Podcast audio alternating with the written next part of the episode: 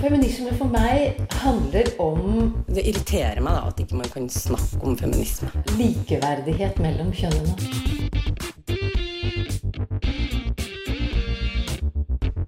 Det blikket på kvinnen på film. handlet det om å bli tatt på alvor som jente.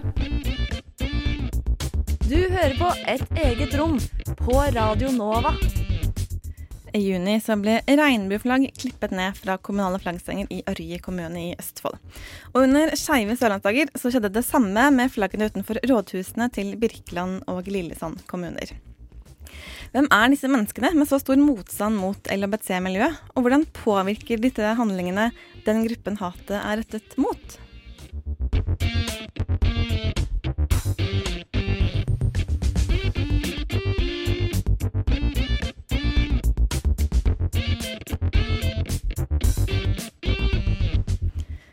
Opp alle jordens homofile, det var tittelen på Gerd Brantenbergs første roman fra 1973. Og eh, det er noen mennesker som mener akkurat det motsatte. Eh, og det er de mer ekstreme og radikale, ikke minst, av disse det skal handle om denne her uken i et eget rom. For hvert år så blir LHBT-personer utsatt for vold i forbindelse med pride-markeringer, f.eks. Ja. Nærmest blitt et fast innslag i en del pride-parader i flere europeiske byer. ja, definitivt. Det er ikke uvanlig at man eh, ser det og hører om sånne ting. Og de som eh, skal snakke om akkurat disse temaene, det er meg, Lina Therese Torvesmark og Sofia Fischer. Og eh, jeg tenkte vi må starte litt med en slags begrepsforklaring. For er det høyreradikale eller høyreekstreme vi snakker om? Hva er forskjellen? Er det det samme, eller ja? Ja, det er jo litt av et definisjonsspørsmål der. Men det har jo også litt å säga var i verden man, eh, man ser på det. Det er ikke helt vanntette skott, har jeg forstått. Og det er litt sånn flytende overganger. Men høyre radikale, det er politiske bevegelser som er forankret innenfor demokratiske, eller demokratiske spilleregler. Og det er ikke de som mener at vold kan være en, en mulighet for å oppnå noe. Det er jo disse som har fått politisk innflytelse. Det er jo disse som er til høyre for det etablerte høyre, på en måte. Som til eksempel Sverigedemokraterna. For eksempel. Det er mange Ja. slike partier i Europa. Mens de ekstreme, det er jo da altså mye av de samme tankene, men det er de som åpner for vold. Ja. Det er der du har den nordiske motstandsbevegelsen, blant annet, som er kanskje mest kjent i Norge. Og som Ja. du finner over hele Nord Norden, egentlig. Ja, altså den nordiske motstandsbevegelsen, eller rørelsen, er jo liksom, Fins jo i hele Skandinavia og Norden. Eh, Men jeg tror de er størst i Sverige faktiskt. Nå har vel Sverige vært ganske Dere har ganske god erfaring med dette Ja, med høyreekstreme.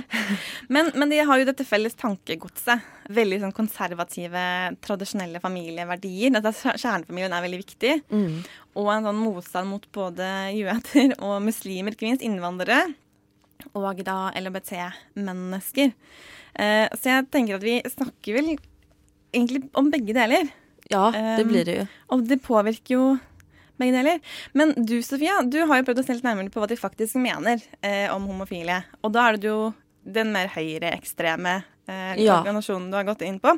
Vi skal høre litt hva de faktisk skriver på sin nettside. Og etter det så skal vi snakke litt om dette med ytringsfrihet, og hvorfor den er litt vanskelig, eller kan være vanskelig, når det gjelder akkurat eh, disse tankene her. The Supreme Court uh, strikes down federal law that marriage is between a man and a woman. Again, it's about going after marriage. People go, hey, let people live together, you know, live in peace. That's how it is on the surface.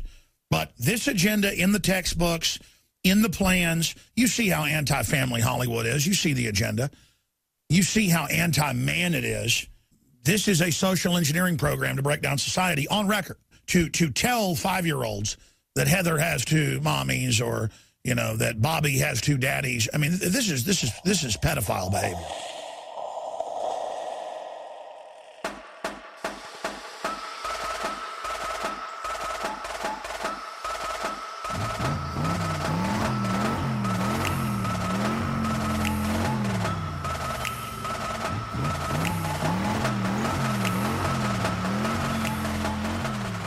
Nynazister och högerextrema grupper har varit på frammarsch genom Europa och andra delar av världen. Och även här i Skandinavien. Olika mediekilder har skrivit om deras hetsiga demonstrationer och hatiska uttalanden. Dessa etablerade nynazister har ställt sig mot homofili och har vid flera tillfällen uttalat att de måste stoppa homolobbyn. Man kan fråga sig vad det är de egentligen har mot homofili. Jag har varit inne på några av dessa mer etablerade nynazistiska och främlingsfientliga gruppers hemsidor för att se vad det faktiskt står där. Frihetskamp, en av de största nynazistiska grupperna i Norge, har skrivit lite om homolobbyn på sin nettsida.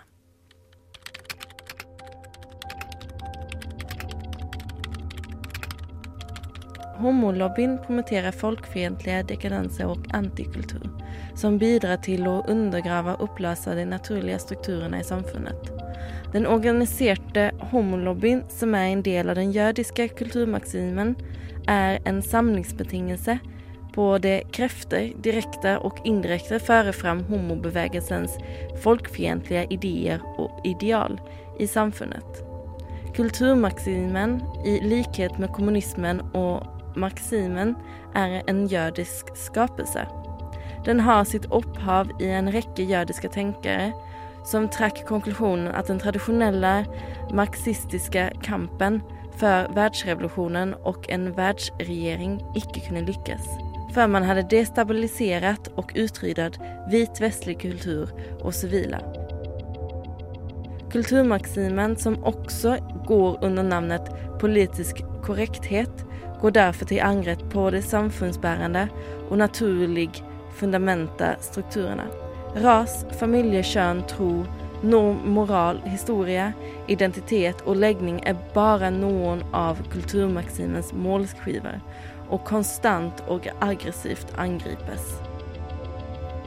Homolobbyen ingår i den kulturmarxistiske krigsføringen mot vårt folk og fokuserer først og fremst på sexualitet, kön, läggning, moral, normer og familie som av kulturmarxistiske tanker anses være særskilt potent og essensielle i arbeidet med å få styret Vesten. Det tror altså at om man får en normalisering og popularisering om homoseksualitet, og derigjennom skapa flere homoseksuelle individer samt flytta fram grensene for hva som anses være normalt. Genom økt acceptans for sexuellt avvikende oppførelse i samfundet banar veien for stadig mer perverse oppførelse. Derfor er det så viktig for frihetskampen og mange andre nynazistiske grupper å stoppe homolobbyn, eftersom dette er selve forutsetningen for en videre eksistens av vårt folk. Jeg er ekstremt stolt over å være hvit. Ekstremt stolt over det. Jeg vil virkelig bevare min ras eh, intakt. Gör, det, gör, gör, gör, gör de faktum mig till rasist så är jag rasist.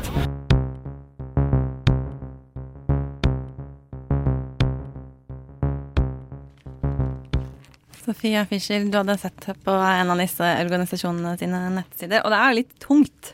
Det er veldig tungt. Man var, man var sliten etter å ha sittet der og lest, det kan jeg si. Den nordiske motstandsbevegelsen skulle jo marsjere i Fredrikstad tidligere i år, og så hoppet de plutselig til Kristiansand istedenfor. Og da oppsto eh, det oppstod en debatt om dette med ytringsfrihet. Og eh, Patricia Kate, du er fra Amnesty, og dere er veldig opptatt av dette med menneskerettigheter, at man skal få muligheten til å være den man er. Og når det kommer til dette med å eh, Om man ikke nødvendigvis kommer med direkte trusler, så er det mye hatfullt i den retorikken de kommer med. Og bare det de står for, blir ytringsfriheten litt vanskelig når eh, slike organisasjoner kommer på banen? Jeg syns egentlig ikke det, fordi straffeloven er forholdsvis klar i sitt forbud mot hatefulle ytringer, som jo også omfatter symboler, og som kriminaliserer ytringer som truer eller forhåner noen, eller som fører til forfølgelse eller ringeakt fordi en person tilhører en bestemt eh, sosial gruppe pga. Eh, sin, sin tro, pga. sin hudfarge eller pga. sin seksuelle orientering.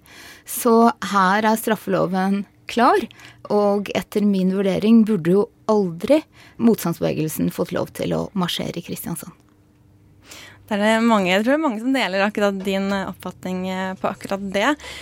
Men hvis vi Nå skal ikke jeg be deg om å komme med noe fasitsvar eller på noen som helst måte om dette med ytringsfrihet, men jeg skjønner jo ikke helt at de fikk lov til å marsjere, men de fikk jo lov til å demonstrere, i hvert fall i Fredrikstad, selv om de ikke gjorde det nettopp fordi at politiet mente at det her må de få lov til ytringsfrihetens navn. Tror du man er litt redd for å At man er litt for streng? I utgangspunktet så er jo så er ytringsfriheten viktig, fordi det gjør det mulig for oss som, som, samfunnsborgere å delta i en åpen og ærlig offentlig debatt. Så utgangspunktet skal være at det skal være vide rammer rundt ytringsfriheten.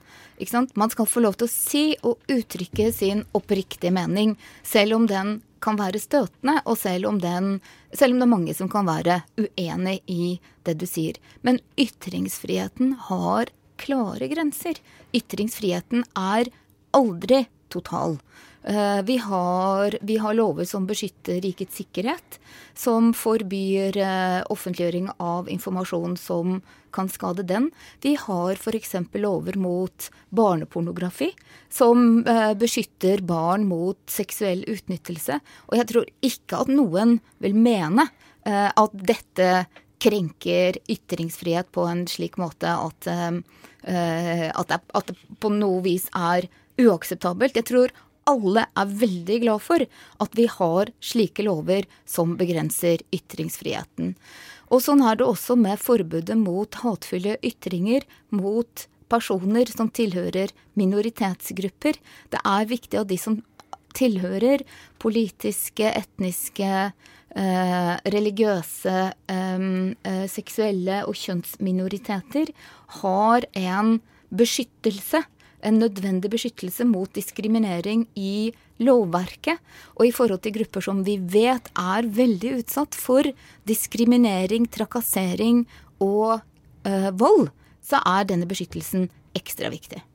Sofia, det har jo vært lenge i Sverige, sånne grupper. De er jo mye ute i gatene ah. og sier sin mening.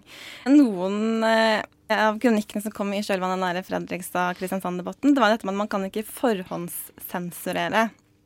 Eh, men når man vet hva slike grupper står for, og hva de mener, og hvorfor de marsjerer, hva tenker du om det som kanskje har litt mer sånn blikk på det fra Sverige? Og det vet jeg ikke om jeg har en bedre blikk på det bare for at jeg er fra Sverige, men eh, altså jeg synes at hvis man vet Man vet jo på forhånd hva det er de syns, og hva de sier, og jeg syns ikke at de Eh, skal få lov til å gå på gatan og uttrykke seg på den måten. Og det er jo fordi at de er så etablerte som det går greit. Hadde en, hadde en helt, hvem som helst stelt seg ned på gatan og begynt skrike at de hater saker og ting, så hadde jo politiet gått fram og sagt unnskyld meg, men det her går ikke. Så her kan du ikke holde på. Men det er fordi at de er så mange som de er, fordi at de er etablerte, fordi at de går i tog, som de får på noe sett lov å uttrykke seg på den måten. Uh, og jeg syns ikke det, det, er greit i det hele tatt. Og jeg har selv oppvokst på en skole der vi hadde nynazister. Og eh, jeg har sett dem slå ned folk og sånt, og det er ikke hyggelig. Det, det skal ikke være der. Det trengs ikke. Det skaper en utrolig utrygg miljø. Og even når mennesker som ikke er innvandrergrupper, om, man, om, du er svensk eller er norsk og ser det her, og du føler at, at det gjør vondt i, i deg, at det, du blir redd Altså, det peker bare enda på hvor ekstremt det her er.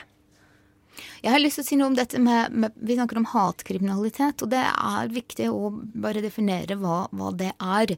Og det er da ulike former for ytringer eller vold som rammer deg fordi du tilhører en bestemt gruppe. Og dermed så rammer det ikke bare deg som person, det rammer hele gruppen.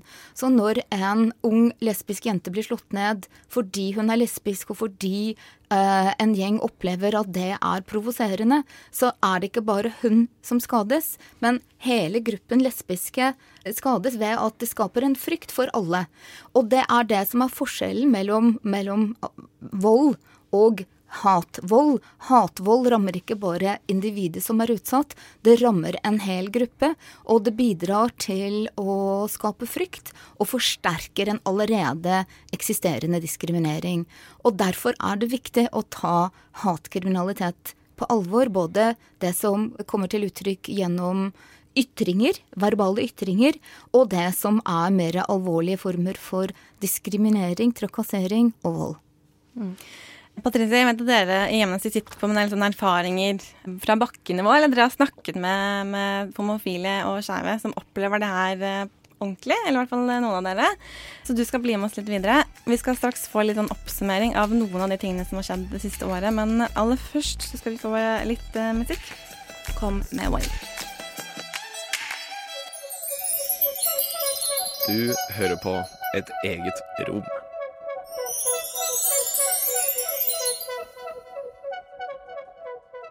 Vi skal snakke litt om erfaringer fra liksom bakkenivå når det gjelder skeive som møter på eh, mer sånn høyreradikale meninger. Men før det så har Lise Aspe laget en slags oppsummering over noen av de tingene som har hendt det siste året.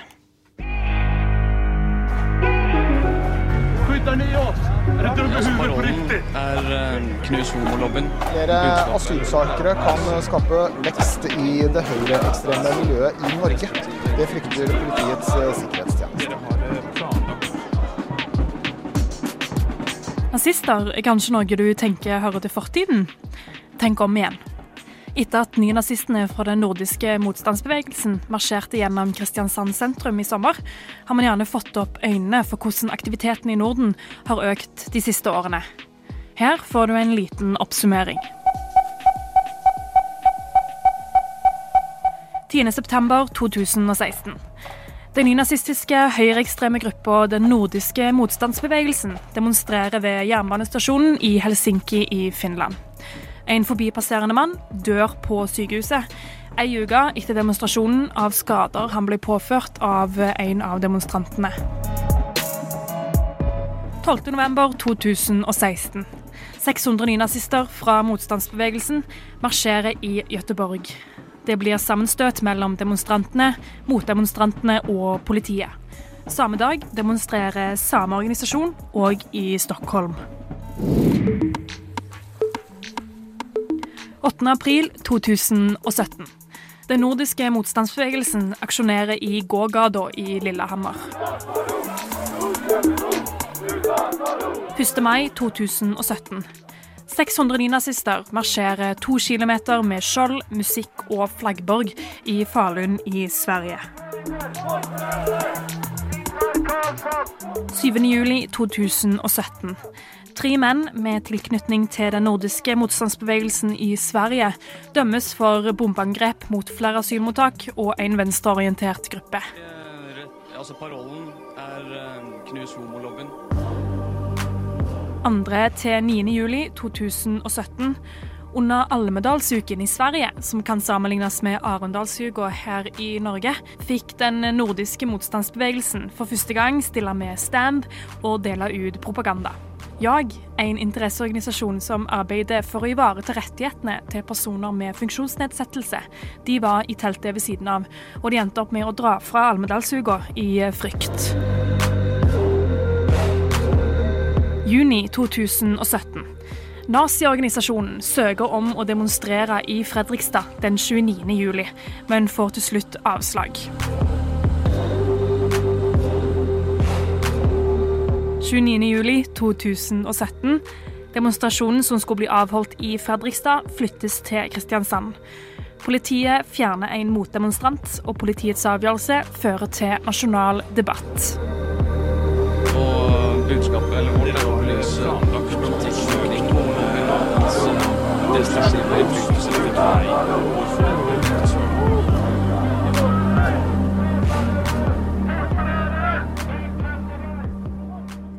Lisa Aasbø var det som hadde oppsummert noe av det som hadde hendt det siste året. Og vi kan jo legge til noe som skjedde ganske nylig i eh, Sverige, hvor eh, i forbindelse med Pride-paraden i Helsingborg hvor eh, den nordiske motstandsbevegelsen har tok ned 26 flagg.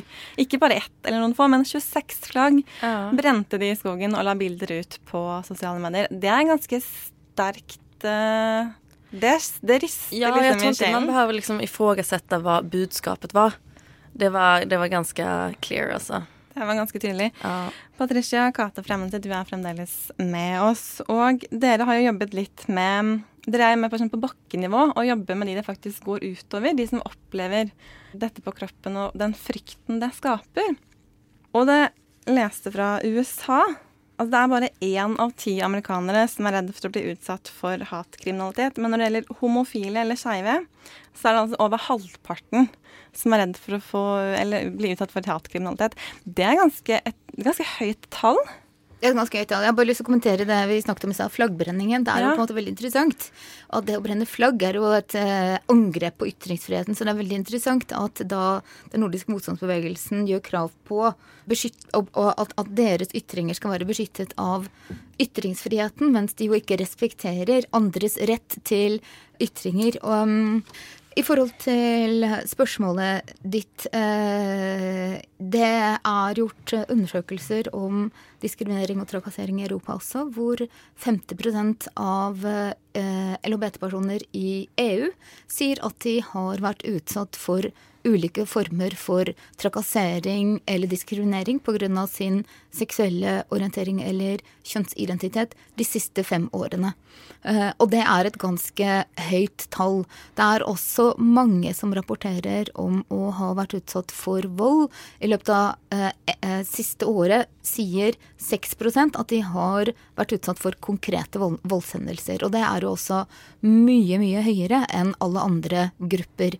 Så vi vet at lesbiske, homofile, bifile og transpersoner er mye mer utsatt for diskriminering og for trakassering og for vold. Og derfor er det jo også viktig å sørge for at denne gruppen har den nødvendige beskyttelsen mot eh, hatefulle ytringer. Nå har vi jo hittil snakket en del om høyreekstreme, men i Europa så har man sett de siste årene at høyre radikale partier, som ikke utøver vold selv eller oppfordrer til det eh, eksplisitt, har kommet mye mer ut i offentligheten. Mange har fått mer politisk innflytelse og makt. Har det mm, også hatt en innflytelse på, for LHBT-mennesker? Altså opplever de at pga. at eh, politikere eh, er mer eksplisitt eh, mot dem, at det også påvirker eh, eller har ringvirkninger ellers i samfunnet, selv om det ikke er vold inne i bildet? Jeg tenker det er veldig mange ulike eh, tendenser og trender i mange ulike land. Um, mm, det du beskriver, ser du tydeligst i Russland, hvor man har eh, en eh, Det er ikke kriminelt å være homofil, men du har flere lover som brukes til å mistenkeliggjøre lesbiske, homofile, bifile og transpersoner, som jeg kaller for LHBT-personer, eh, heretter, for ikke å gjøre det like så langt eh, hver gang. Der, har, der ble det i 2013 vedtatt den såkalte antipropagandaloven, som forbyr en positiv omtale av LHBT-personer, og som forbyr å fremstille alternative seksuelle relasjoner som like mye verdt som heterofile eh, seksuelle relasjoner. Og der har vi også sett at omfanget av både diskriminering, diskriminering i arbeidslivet, eh, men også hatkriminalitet har økt ganske dramatisk. Ser eller opplever eller hører, dere er jo litt overalt, er dere noen forskjell mellom kvinner og menn? Altså er det verre å være homofil mann eller bifil mann enn lesbisk kvinne eller bifil kvinne? Det fins ikke så mye gode data i verden, men den undersøkelsen jeg refererte fra i stad, den EU-undersøkelsen eh, som er gjort fra Instituttet for likestilling, den viser at lesbiske kvinner er faktisk mer utsatt for diskriminering, mens det er transpersoner som er utsatt, mest utsatt for, for hatvold. Så problemet er at i veldig mange land så har du ikke noen god registrering av diskriminering på bakgrunn av seksuell orientering og kjønnsidentitet. Det kan jo også gi litt misvisende statistikk. Fordi av de landene som er gode på registrering, eh, de kan vise høye tall på statistikken, mens de landene som egentlig ikke bryr seg, de, eh, de, de, de har lave anmeldelsestall eller lave registreringstall. Det var en svensk rapport for eh, over ti år siden, 2006. Så den svenske varianten av FRI, altså den organisasjonen som jobber for eh, LHBT-menneskers rettigheter, Eh, Men de skrev om at de opplevde at det var mer sosialt akseptert å komme med litt sånn hatefulle ytringer mot eh, disse altså transseksuelle, homofile og bifile. Fordi at det blir på en måte pakket litt inn i mer sånn politisk Du kan si sånn at eh, homofile egner seg ikke som foreldre. De, de er en trussel mot barns grunnleggende rettigheter. Tror du det kan være litt sant? At det er liksom lettere å gjemme bort mer sånn motstand mot denne gruppen mennesker ved at den ikke gjøres så eksplisitt som kanskje annen hatefulle eller hatkriminalitet mot f.eks. etnisitet eller religion? Også LHBT-personer i Norge opplever å bli utsatt for trakassering og diskriminering og hatvold for sin kjærlighet. For det tenker jeg er det, er det vi i bunn og grunn snakker om. Vi snakker jo om kjærlighet. Vi snakker jo om mennesker som blir mistenkeliggjort fordi de elsker en annen person, og det syns jeg er øh, så utrolig trist med det som handler om hatkriminalitet rettet mot LHBT-personer. Så, så, det er helt sikkert både, både mer skjulte former for diskriminering, men det som er helt sikkert, er det er mye åpen diskriminering, det er mye åpen trakassering, og det er mye åpen vold. Når 50% av lesbiske, homofile, bifile og transpersoner i Europa sier at de i løpet av de siste fem årene har opplevd å bli utsatt for diskriminering, eh, så er det noe vi må ta alvorlig, og da må vi ta det alvorlig ved å ha lover som forbyr oppfordringer til hatefulle ytringer og hatkriminalitet. Og vi må implementere, vi må iverksette disse lovene? Jeg opplever jo at når man skal angripe det her, så går man til høyre politikere eller høyreekstreme grupperinger. Men de har jo sine tilhengere, selv, tilhengere, selv om ikke de er medlem av et eh, parti eller medlem i en organisasjon. Så finnes jo mennesker rundt omkring som deler mange av disse meningene. Og det er vel kanskje særlig Russland en eksempel på. Bør man ta mer tak i holdninger generelt i samfunnet, og ikke bare gå til de som står foran en mikrofon og, og snakker dette tankegodset ut? Absolutt, og det, det, er jeg helt enig med deg i. Men, men, det at, at, at, at politikere i, i, i, Russland vedtar en antipropagandalov, at det ble fremmet et lovforslag om å frata LHBT-personer Eh, foreldreansvar. Selv om den loven ikke blir vedtatt, så sender den et eh, viktig signal i samfunnet.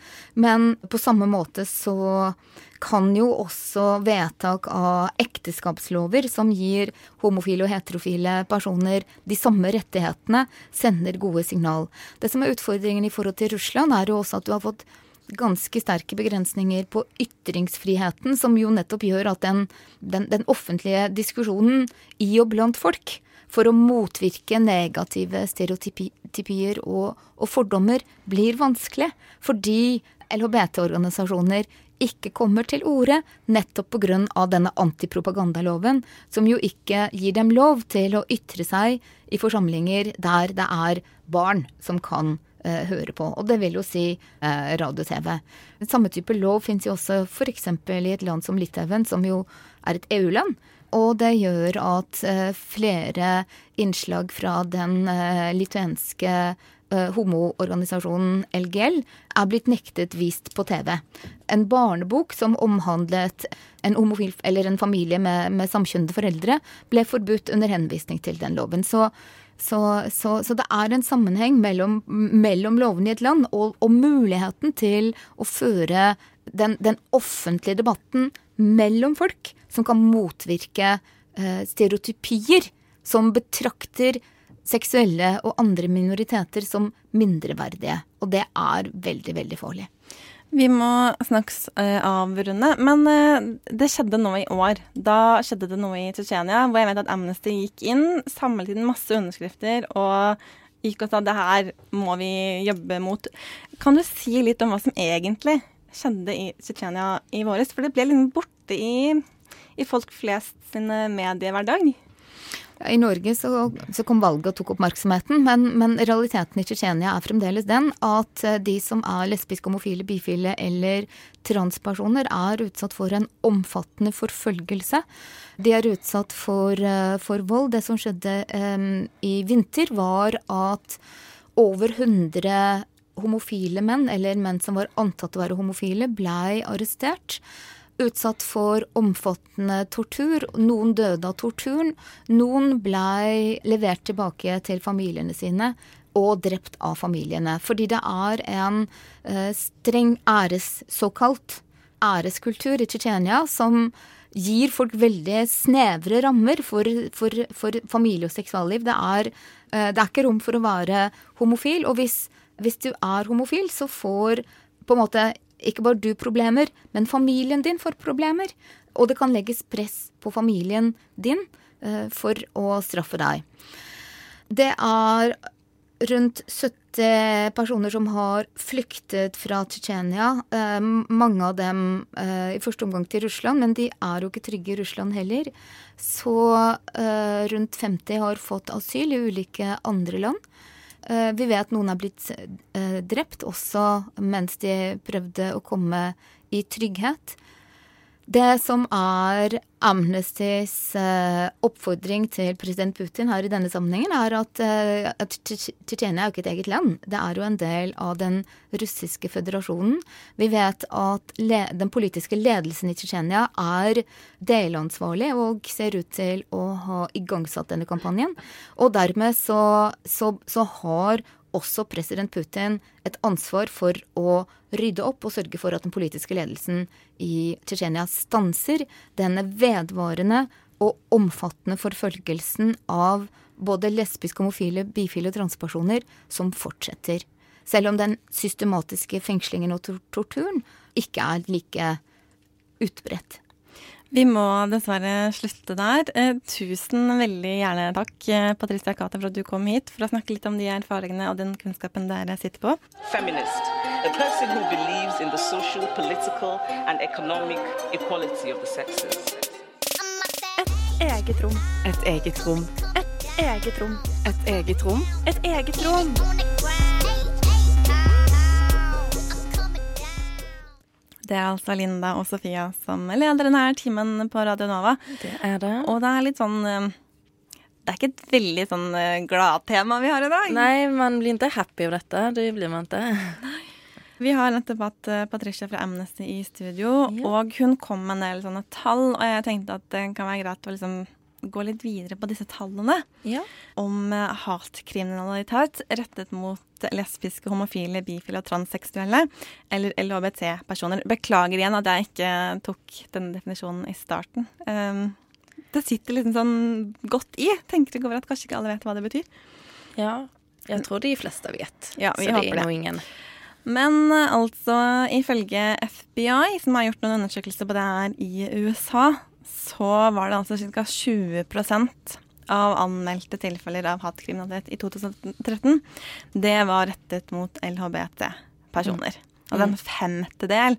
Og vi snakker da om USA, som er jo kjent for en del sånn rasediskriminering og den typen ting.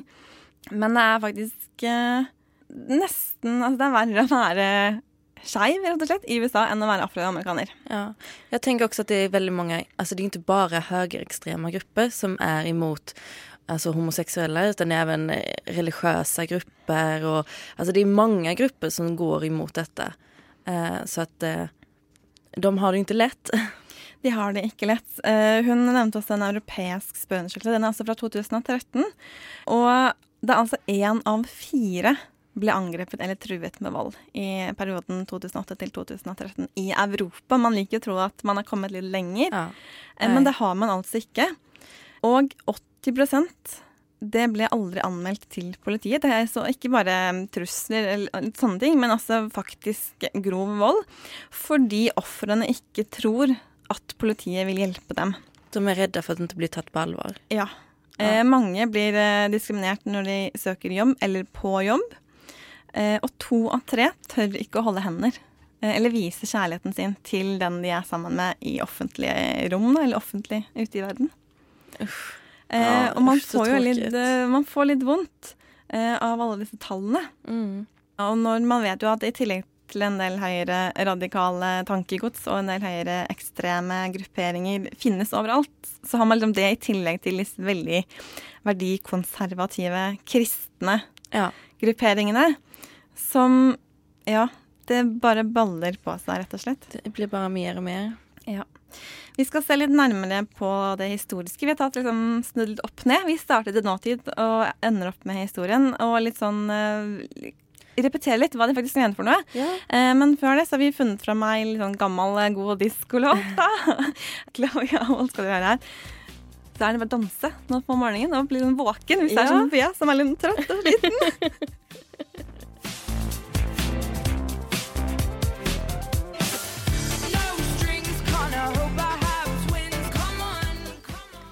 Litt eh, erkebritisk pop fra 2013. Faktisk eh, No Strings. eh, skikkelig klassiker her fra listene til Radio Nova. Ja, den var listet for noen år siden også. Ja. Vi er fornøyd med den. Du hører på et eget rom med Sofie og Linda, og vi snakker altså om høyre radikale, høyre ekstreme og deres syn på skeive i den brede forstand. Og helt i starten, Sofie, så hadde du et innslag som vi spilte av, eh, hvor du hadde sett litt på hvorfor, eller hva er det de skriver på nettsidene deres. Og det er jo ganske drøye ting de skriver, egentlig. Men altså, de rettferdiggjør egentlig hat og vold mot skeive fordi at de anser disse menneskene som at de har en lavere menneskeverdi. Ja. Og, det Og de skjønner- truer jo Ja, ja. og alt derimellom. Ja, det er i allmennhetens interesse at Ja. man motarbeider eh, Nettopp. og lar de få mindre makt og mindre synlighet. Det er litt sånn diffust på en måte hva denne hobbylobbyen Homolobbyen. Beklager. Hva den egentlig um, Men altså, de mener altså at eh, homofile har fått for mye synlighet. Det er ikke sant at de diskrimineres, eh, og det har en trussel mot kjernefamilien. Og det mente jo også nazistene. Ja. På 30- og 40-tallet. Absolutt. Det var jo mot altså, tysker som var homoseksuelle, Liksom. De dømte jo Hva var det, en sånn 60 000 som, som døde, som eh, de fant ut var homoseksuelle. Men det som er litt interessant med det er jo at mye forskning peker på at det var mest män och ikke kvinner, og at tyskerne faktisk tolererer det lesbiske damer. I mye større grad, i hvert I mye større grad. Og det er jo interessant i og med at eh, Patricia Framancy, som nettopp var her, hun snakket om at det er nesten verre for kvinner, og Mm. særlig transseksuelle kvinner, altså menn som ønsker å bli kvinner. De opplever definitivt mest hatkriminalitet og vold. Og jeg syns egentlig det er litt fascinerende at man har liksom gått fra å tolerere lesbiske kvinner særlig, da, til Ja. at uh, nå gjør man ikke det. Men det er vel en del fremdeles vil jeg tenke, som ikke er så veldig glad i den homofile mannen. Han er veik, på en måte. Og han er jo i mange steder pedofil. omtrent. Altså, det er jo ikke positive merkelapper homofile menn heller får på seg. Nei, og jeg tenker at det er ju väldigt, de er jo veldig konkrete med hva en mann er for noen ting. Eh, og hva en homoseksuell mann går jo veldig langt ifra det. Så det er eh, det är ju lite bägge delar. Jag tänker att om en lesbisk kvinna føler det väl truar mannen också. Att den... Eh, En, en forskjell her er vel at en lesbisk kvinne kan jo fremdeles få barn med en heterofil mann, og sånn sett føre rasen eller Videre, altså, ja. videre. Eh, og selv om en lesbisk kvinne kan være en dårlig mor, så vil jo da noens øyne en heterofil mann være en god far. Mm. Mens en, en homofil mann, hva er han på en måte? Ikke kan han eh, sette barn på en annen mann, og han er bare et fjols. Ja, og sen så tenker jeg vel også at det kan ha litt med seksuelle fantasier det her. At det er jo två kvinner er vel noe någonting de fleste menn tykte hadde vært gøy men två menn er kanskje en helt annen sak. Og at, altså jeg kan tenke meg at det er noe sånt også, at det handler om hva man, hva man tenker er greit. og sen absolutt uh, føre gener vidare. Jeg tenker at eh, vi hopper litt sånn rett ut eh, litt sånn historisk lydklipp. Eller ikke lydklipp, men jeg har sett litt nærmere på noe av historien. Ja. Eh, sånn tilbake til den tiden vi har hentet litt sånn tankegods fra akkurat da. Ja. I 1895 så startet en rettssak mot forfatteren Oscar Wilde, som var anklaget for å ha hatt seksuelle forhold til flere menn. I forbindelse med rettssaken så oppstod det diskusjoner internasjonalt om kriminaliseringen av homofile. Og to år senere, i 1897, så dannet den tysk-jødiske og homofile legen Magnus Hirstfeld, den vitenskapelige humanitære komité, hvor formålet var at seksuelle handlinger mellom menn skulle avkriminaliseres. I 1919 så dannet han også Institutt for seksualvitenskap i Berlin, som i tillegg til å omfatte ekteskaps- og sexrådgivning, også ble en verdenspioner når det gjaldt krav om borgerrettigheter og sosial aksept av homofile og transkjønnede. Og det er i mellomkrigstiden at Berlin blir en liberal by med barer, nattklubber og kabareter, frekventert av både homofile og heterofile turister. Så kom nazistene til makten. I 1933 så starter en utrenskning av byens samlingsleder for homofile. Nå ble også publikasjoner som omhandlet seksuelle temaer, forbudt. Og homofile fikk ikke lov til å organisere seg i grupper og foreninger. I 1934 så ble en egen avdeling av Gestapo gitt i oppgave å lage lister over homofile individer. Året etter, i 1935, så ble den tyske straffelovens paragraf som omhandlet homofil sex, skjerpet av nazistyret. Og i 1936 så ble Rikets sentralkontor for bekjempningen av homoseksualitet og abort opprettet.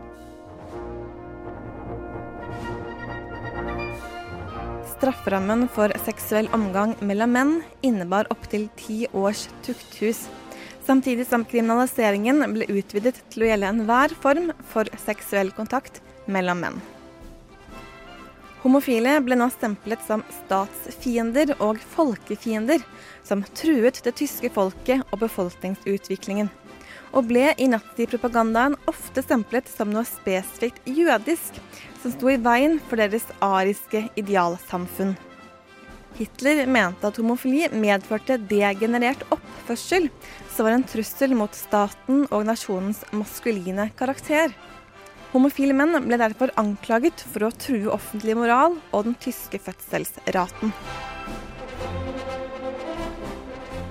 I 1977 så ble det forsøkt kartlagt hvor mange menn som ble etterforsket for homoseksualitet under nasjonalsosialismen. Her så ble det anslått at 100 000 menn ble etterforsket, at 50 000 menn ble dømt etter den tyske straffelovens paragraf om sex mellom menn, og at mellom 5 og 10 000 homofile menn ble sendt til konsentrasjonsleirer. Disse tallene gjelder likevel bare tyske konsentrasjonsleirer. Flere tyskere ble også sendt til konsentrasjonsleirer andre steder, men man vet ikke hvor mange av disse som var dømt for homofili. Andre ble sendt til arbeidsleire, der antallet homofile aldri er blitt undersøkt. Og man antar at også noen ble sendt til østfronten, der sjansen for å overleve var liten. Fremveksten av nazistiske grupper etter 1945 har mest handlet om motstand mot jøder og innvandrere. Men ikke helt. I perioden 1983 til 2000 så ble 24 mennesker drept i Sverige fordi de var homofile. De aller fleste mordene ble begått av nazister. Tar vi med alle lovbrudd begått mot homofile i disse 17 årene, er tallet 80. Sverige var i 90-årene en stor makt i militant høyreekstremisme. I sammenligning så var det norske nynazistmiljøet kun et marginalt fenomen.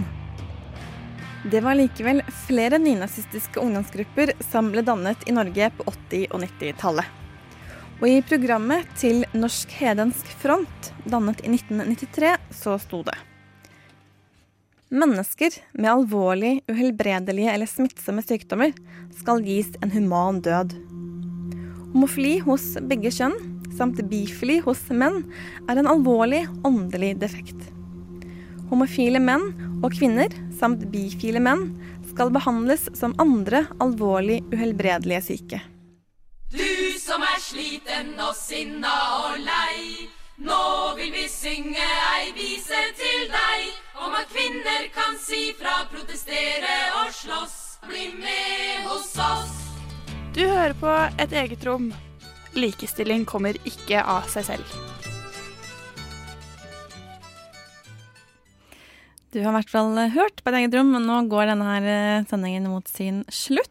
Ja, dessverre. Dessverre. Det Det, er så fort. mye mer vi skulle sagt om det Ja. temaet her, eh, som er så innmari vanskelig å um, bli klok på. Men veldig viktig. Men veldig viktig. Ja. De som har vært i studio, det har vært Sofia Fischer og Lina Therese Rosenberg. Tekniker har vært Helje Svensson, og vi har også fått et bidrag fra Lisa Aasbø, som har bidratt til denne sendingen. Neste uke skal det handle om graviditet. Ja.